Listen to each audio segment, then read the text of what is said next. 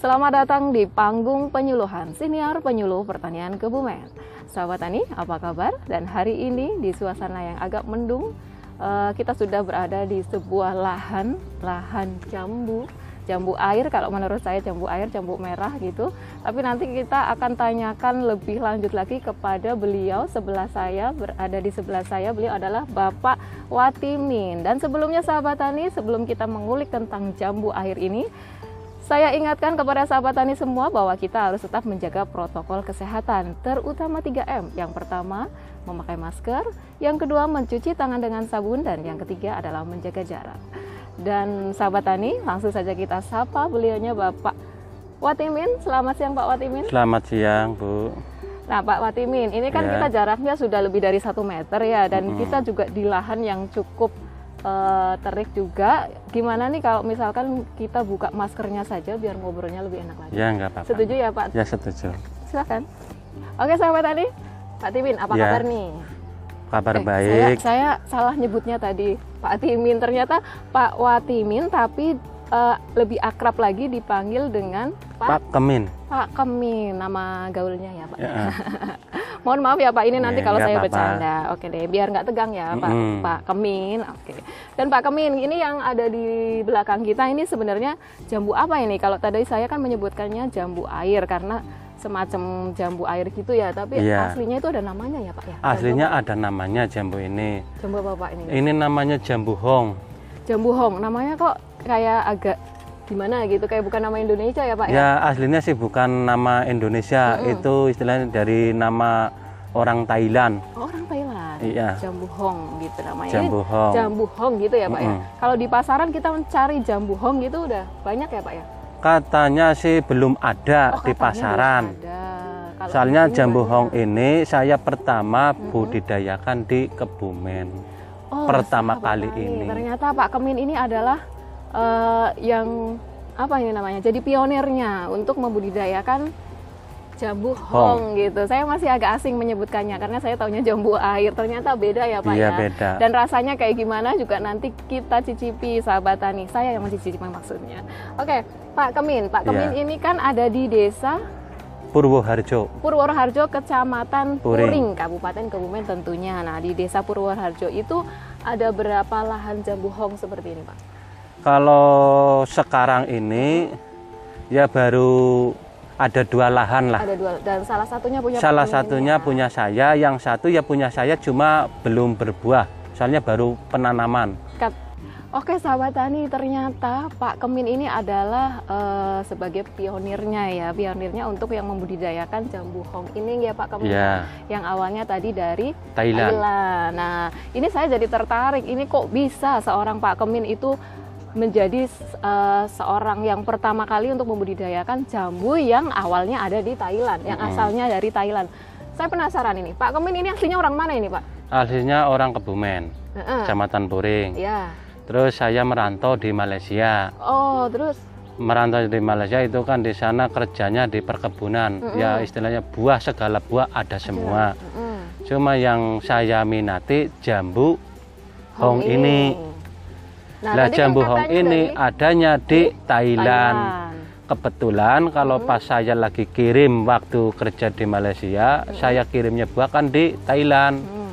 Akhirnya saya membeli bibit di Thailand. Saya Hmm. Bawa pulang ke Indonesia. Ternyata sahabat tani, penasaran saya sudah terjawab. Jadi Pak Komen ini aslinya orang Indonesia tetap ya Pak ya. Orang Indonesia, orang desa Purwoharjo, Kecamatan Puring, Kabupaten Kebumen yang tadinya merantau di, Di Malaysia. Malaysia. Kemudian di Malaysia beliau bekerja di sebuah perkebunan Mm. yang di dalam perkebunan itu ada berbagai macam Buah buah-buahan. ada. Kemudian untuk mengirimnya ke negara lain, beliau juga turut serta ya Pak ya. Iya. Sampai ke Thailand beliau menemukan sebuah jambu yang beliau tertarik. Mm-mm. Ini Jambu nah, hong. Ini hong, jambu hong ini. Nah, ini sahabat tani, menarik sekali kan. Dari warnanya aja udah eh, menggoda untuk dimakan ini. Kayaknya seger banget ini. Dan jambu hong ini itu adanya di Thailand. Kemudian Pak Kemin itu eh, berminat untuk membudidayakannya di desanya gitu. Kemudian membeli bibitnya melalui apa ini? Melalui saya kan punya teman. Mm-mm. orang Indonesia. Orang Indonesia punya suami orang Thailand. Mm-mm. Orang Thailand itu saya suruh untuk membawakan bibit. Membawakan bibit. Seperti Waktu itu. pulang kampung ke sini. Iya, waktu pulang kampung ke Indonesia. Indonesia. Soalnya warga Thailand sudah jadi warga Indonesia. Tadinya beli bibitnya berapa ini? Kalau per pohon beli bibitnya satu pohon itu dulu saya mengeluarkan uang 300.000 per Pohon. batang. Ya, per beli pohon berapa lah. batang ini? Saya belinya pertama dua apa? Dua, Dua cuma dua batang aja. Hmm. Itu. Kemudian Terus saya sudah berkembang menjadi Mm-mm. berapa batang ini, Pak? sekarang saya sudah kembangkan kurang lebih ada 160-an pohon lah. Luar biasa sekali dari dua batang yang kemudian dirawat, dipelihara sungguh-sungguh dan akhirnya menjadi sampai 160 60 pohon. pohon dan besar-besar begini. Sahabat tani luar biasa sekali ternyata dari dua batang bibit jambu hong yang beliau bawa dari Thailand, sekarang sudah menjadi 160 pohon jambu hong yang sebesar-besar ini loh sahabat tani. Betul ya Pak ya? Iya, betul. Dan kemudian untuk eh, selanjutnya untuk luasannya ini sampai eh, tadi berapa 160 batang itu luasannya ada berapa hektar ini sampai satu hektar nggak ini? Kalau luasannya Hmm. minimal itu kan harus minimal satu setengah hektar. Kalau 160 pohon, Minimalnya. iya. Hmm. Cuman di sini saya lahannya nggak ada, akhirnya cuma satu hektaran aja, Cukup muat 160 pohon itu ya. 160 pohon. Tapi nggak masalah ya Pak ya? Nggak masalah. tidak masalah ya. Dan Cuma ini masalahnya cepat besar, cepat rimbun lah. cepat istilahnya. rimbun. Nah Mm-mm. ini Jadi eh, terlalu banyak pemotongan akhirnya. Hmm, oh gitu. Nah, tadi Iya. untuk perawatannya berarti termasuk pemotongan iya, tadi itu ya Pak ya. Kalau enggak batang. nanti daunnya terlalu rimbun Iya. mungkin ya. Dan Jadi selalu pruning lah istilahnya seperti pruning itu. ya, iya. Dan untuk untuk pohon yang sebesar ini usianya berapa tahun ini Pak? Kalau sekarang ini pohon ini sudah usia 4 tahun. Sudah empat tahun, berarti Hmm. sudah cukup lama juga Bapak Udah. dari merantau di Malaysia, kemudian pulang ke sini udah bertahun-tahun. Terakhir tahun berapa Pak? Saya pulang tahun 2005. 2005 dan sekarang sudah 2022 ternyata sudah lumayan Ya lama lumayan ya Pak lama. ya. Jadi Bapak pulang dari Malaysia ke sini langsung membudidayakan ini atau sempat bekerja di tempat lain Pak? Saya sempat bekerja di tempat lain. Mm-mm. Di bekerja di tempat lain istilahnya itu di peternakan. Di peternakan? Mm-mm, Di peternakan ayam potong. Gimana itu Pak? Di ya di desa sini Sini aja. juga. Mm. Tapi sebagai pekerja ya Pak ya? Ya sebagai pekerja ya sama punya Oh, dia sendiri sendiri. juga. Sekarang masih ada Pak? Sekarang sudah nggak ada. Soalnya saya fokus di Sudah pertanian. beralih ke pertanian, Pertanian ya Pak ya, aja, terutama di iya. jambu hong ini. Selain jambu hong kayaknya juga punya belimbing juga Ada ya Pak ya? belimbing, ada jambu Nah, kristal juga ada. Lain kali kita bahas tentang belimbing ya Pak ya. Nah, sama. Oke dan sekarang fokus ke jambu hong ini yang membuat saya menarik, tertarik karena memang jambunya itu lebih besar dari yang jambu kayaknya jambu yang ada yang kalau di sini. kan bilang jambu citra. Jambu citra ya, saya Heeh, mau bilang terkenalnya. citra. Heeh. Cuman agak langsing kalau jambu Iya, citra kalau ya, jambu ya. citra itu kecil-kecil. Iya, kalau ini lebih Kalau besar jambu lagi. hong itu lebih besar. Nah, ini untuk eh, pertama penanamannya sampai ke berbuah itu berapa usia berapa tahun, Pak? Minimal itu dari tanam Mm-mm. itu minimal buah 2 tahun. Minimal dua tahun dan Iya, sudah setinggi berbuah. apa, Pak? Kalau Dia sudah setinggi orang dewasa lah. Mm-mm, itu baru sudah berbunga kemudian Udah berbuah. ya. berbuah. Selain itu ada perawatan khusus nggak, Pak? Kalau tadi kan dikatakan harus rajin pruning gitu biar Iya. kalau rimbun. Itu Ya. pruningnya berapa bulan sekali, Pak? Kalau pruning itu sebenarnya kan minimal setengah tahun sekali pruning. Mm-mm. Tapi kalau ada pembuangan daun yang muda itu yang di batang-batang Mm. itu harus dibuangin setiap tumbuh itu harus dibuang. Yang muda harus dibuang. Iya. Istilahnya ya seperti yang daun muda yang contohnya Contohnya kayak ya, gini ya. lah. Ya, itu harus Yang dibuang. kayak gini itu harus dibuang soalnya ini mengganggu bunga. Oh, kalau kal- daun muda ini ada, bunganya, Bunganya ada, bunganya terhambat akhirnya jadi Kalah. rontok. Oh, bunganya kalah jadi Hmm, harus pembuangan kalau- daun muda. Oh, gitu. Rajin juga harus dibuang daun mudanya. Kalau pembuangan daun muda minimal itu satu minggu sekali. satu minggu sekali harus pruning daun muda. Iya, daun yang baru tumbuh itu. Tapi Padahal- yang di batang-batang. Daun muda betulan ini loh ya, Mm. bukan daun muda dalam tanda kutip ya, Iya, Pak bukan. ya. Pak Kemin tahu kan ya daun muda. Oke deh Pak Kemin. Untuk selanjutnya untuk berbuah tadi kan usia minimal 2 tahun ya Pak ya. tahun. Kemudian sampai ke usia pohon berapa tahun masih tetap berbuah? Kalau Umur us- produktifnya. kalau umur produktif berbuah itu normal, itu minimal ya tiga tahun terus sampai kita masih dirawat itu terus berbuah Hmm? Tetap terus. terus berbuah Heeh. ya. Dan kalau jambu ini kan tidak ada musimnya ya Pak. Nggak kalau ada musim. ya. Jadi Soalnya setiap- ini kan ini ada istilahnya udah buah ada yang dipetik, ada yang baru dibungkus, Nah, contohnya ini yang giliran- ini ini baru dibungkus. Heeh. Terus ini ada keluar bunga sudah, bunga. udah agak Jadi besar ini ada keluar bunga lagi kecil ya, lagi. ya? Heeh. dan ini ini tadi kan coba ini dari dari bunga sampai ke buah siap panen itu berapa bulan pak? Ini kalau jambu ini ya, Mm-mm. ini kalau dari bunga keluar itu agak nunggu lamanya, minimal satu bulan lah, Hmm. minimal itu baru bisa dibungkus. Oh satu bulan dari bunga baru dibungkus. Iya, Kemudian udah. dari pembungkusan sampai ke panen Kalau dari pembungkus sampai ke panen 15 hari sudah bisa dipanen. kan lebih cepat ya, Pak, banget, ya? iya. Berarti ketika dibungkus itu sudah lumayan besar ya pak? Iya. ya, pak ya. Udah ya Kalau ini ini, ini kan sudah ya, ya? bungkusan tiga hari ini. Ini bungkusan Ini, tiga oh, hari. jadi segini. Iya, ini bungkusan tiga hari. Ini ibaratnya 10 hari lagi bisa dipetik yang buah ini. Langsung cepat bisa langsung Bisa besar segini. sebesar ini ya Mm-mm. dan warnanya langsung memerah ini Iya. ya pak ya merah merona. Kalau ini kan bungkusan pas sekarang 15 hari yang ini bungkusan ini. 15 hari baru setelah dibungkus. Iya, setelah dibungkus ini 15 hari udah bisa dipanen Oke. yang dan- ini.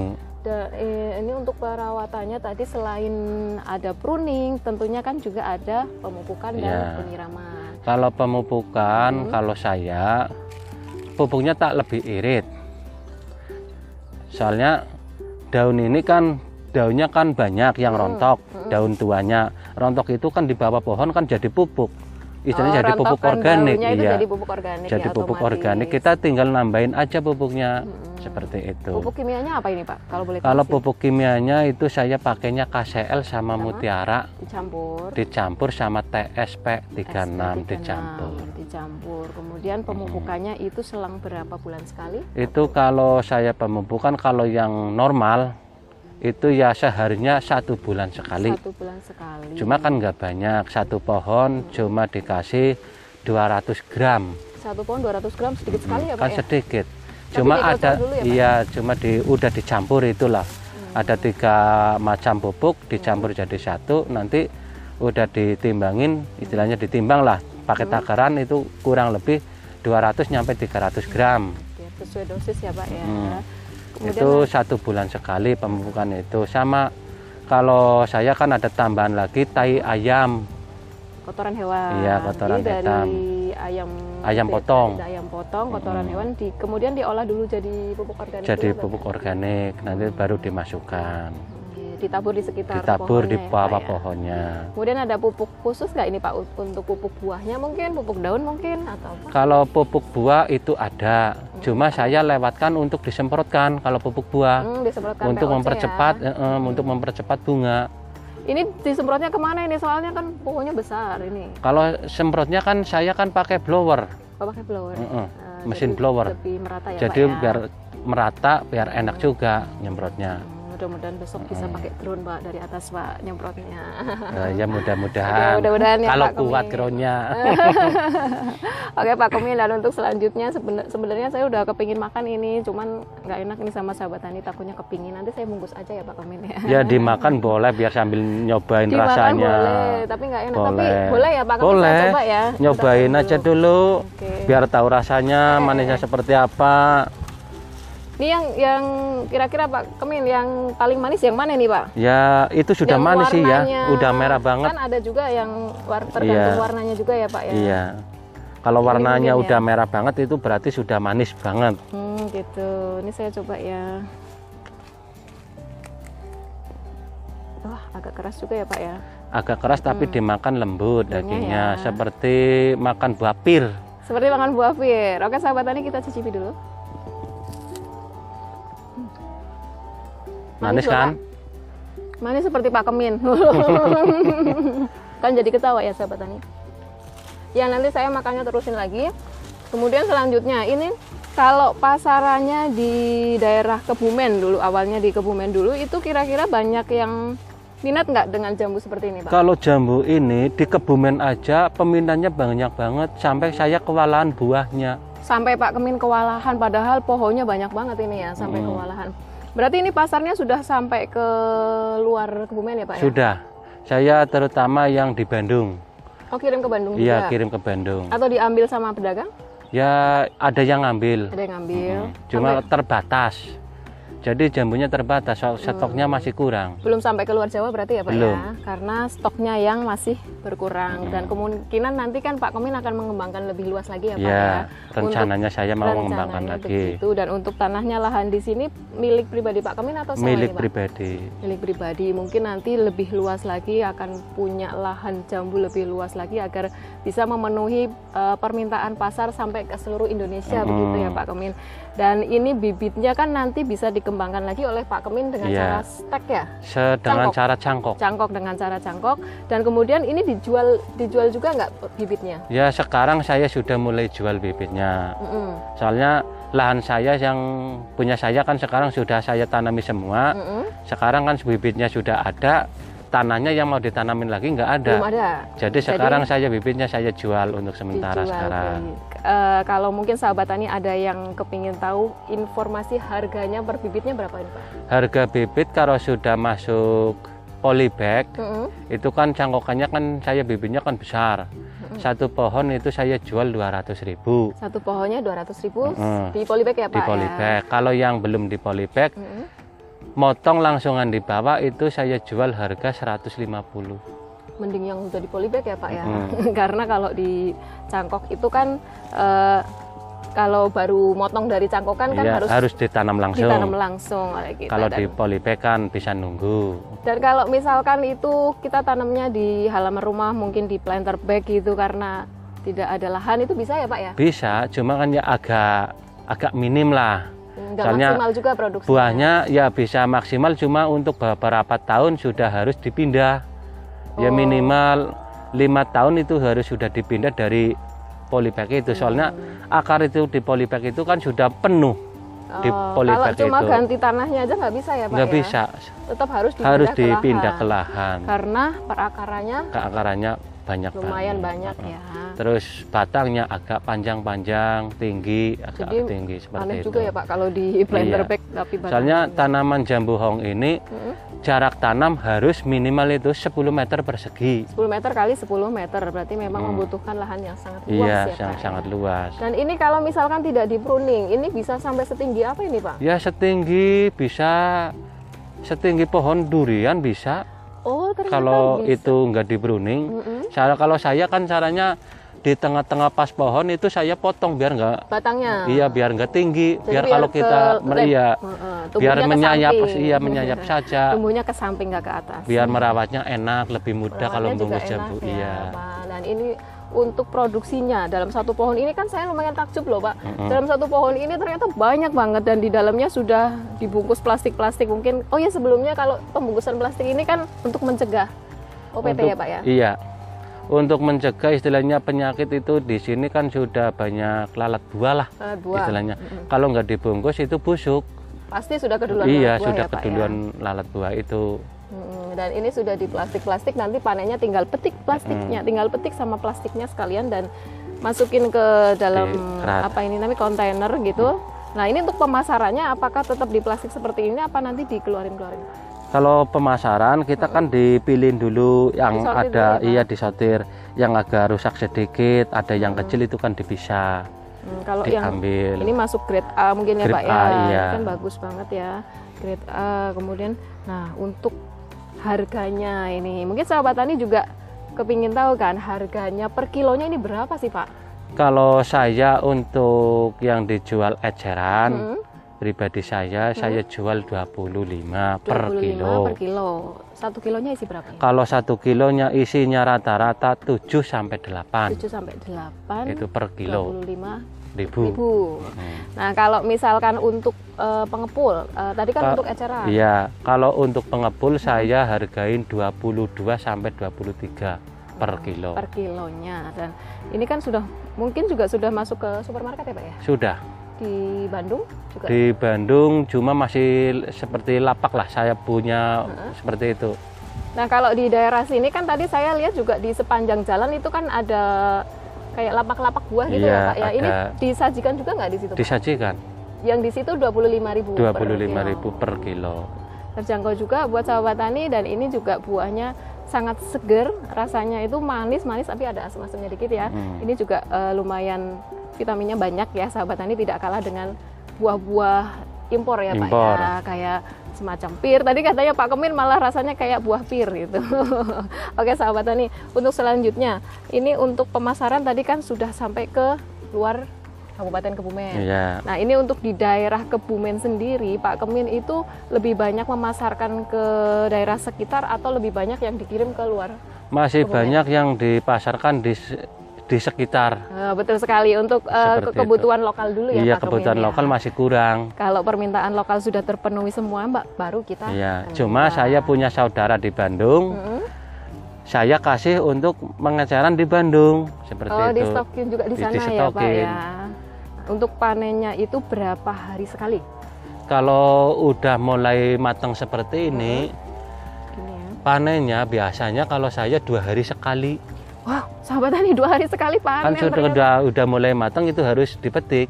Iya, kalau, Kalau nggak dipetik akhirnya rontok malah. iya. Iya juga tadi saya lihat banyak yang rontok di plastik loh Pak. Tapi itu nanti kalau yang nggak masuk grade A gitu ya, itu nanti ke mana larinya? Itu jualnya ke bakul rujak. Oh masuk ke rujak itu Mm-mm. per kilonya berapa? Per kilonya 15.000. Sudah turun harganya jadi Iya. sayang ya Pak ya kalau Iya. misalkan tidak dipanen sebisa mungkin harus dipanen tepat waktu. Jadi Pak Kemin tidak bisa ke mana-mana ini kayaknya. Iya. ya. Jadi memang harus selalu standby melihat adakah jambu yang sudah matang atau Belum. siap panen Mm. gitu ya Pak dan tentunya dibantu sama teman-temannya ya Pak Iya. Amin ya tentunya ada pekerja-pekerjanya sekarang sudah memperkerjakan berapa orang Pak Amin? Ya kalau sekarang ya kalau jambu khusus ini jambu kalau saya masih pribadi soalnya saya cuma paling minta bantuan kalau satu orang atau dua orang minta bantuan aja. Mm-mm. Seperti Berarti harian itu. ya Pak ya Iya, harian. tenaga kerjanya harian dan Pak Kemin luar biasa sekali ini saya sangat eh, takjub baru tahu juga ada yang namanya jambu hong di Hong. sini tadinya saya penasaran jambu hong itu apa sih gitu Mm-mm. ternyata seperti jambu citra tapi Iya, lebih seperti- besar iya, lebih lagi ya Pak ya mudah-mudahan Pak Kemin juga usaha budidayanya usaha taninya akan semakin sukses dengan jambu hong ini Amin. dan bisa menularkan ke teman-teman petani di sekitarnya dulu di Mm. sekitar eh, tempat tinggal Bapak mungkin di desa ini agar bisa berkembang lebih luas lagi Iya. budidaya jambu hong ini dan kemudian akan menjadi sentra jambu hong seperti Belimbing Belimbing, Madu Madu gitu ya. Pak ya. Dan Pak Kemin un- eh, untuk pertanyaan terakhir adakah pesan-pesan untuk teman-teman petani Pak Kemin ini untuk apakah biar trik suksesnya untuk menjadi petani atau apa? Monggo silahkan. Nah, pokoknya kalau saya menurut saya itu jangan malulah jadi petani. itu paling Walaupun orang kecil jangan malu jadi petani. Nah, Seperti itu aja kuncinya. kuncinya cuma satu ternyata jangan malu jadi petani karena sahabat tani petani yang seperti sekarang ini adalah petani yang modern begitu ya. Pak Kemin ya Iya. tidak harus berkotor-kotor tidak harus di sawah atau apa contohnya itu sangat nyata yang ada di sebelah saya beliau Pak Kemin eh, berawal dari seorang petani dan sekarang punya Masih juga lahan, petani, orang masih- petani. Oh iya, ternyata berawal dari petani dan masih seorang petani yang sukses, insya Allah ya Pak, Amin. Pak Kemin ya, amin. Dan kemudian akan menjadi eh, motivator gitu, akan Hmm. memotivasi teman-temannya Pak Kemin sesama profesi sebagai petani agar bisa lebih sukses lagi. Oke Pak Kemin, terima kasih atas waktunya. Sama-sama. Ya, ini saya mengganggu mungkin tadi lagi panen sudah eh, hasilnya sudah sebanyak ini dan ini belum ada setengah, belum ada satu pohon ya Pak ya Belum, belum ada belum satu ada pohon. satu pohon, belum bayangin sahabat tani. Dan kita bisa sudah membayangkan seberapa keuntungannya. Dengan tadi eh, tadi saya sudah jelaskan harganya per kilogram. Kalau yang grade A sampai yang tidak masuk sortir aja masih bisa 15.000. dijual lagi. Oke sahabat tani, petani Indonesia berjaya, sejahtera dan bahagia. Penyuluh pertanian Kebumen aktif, kreatif, inovatif. Saya Yuni Mersi, terima kasih dan sampai jumpa. Oke Pak, Kemin, terima kasih. Nanti maskernya bisa dipakai lagi Pak. Ya, boleh. Ya.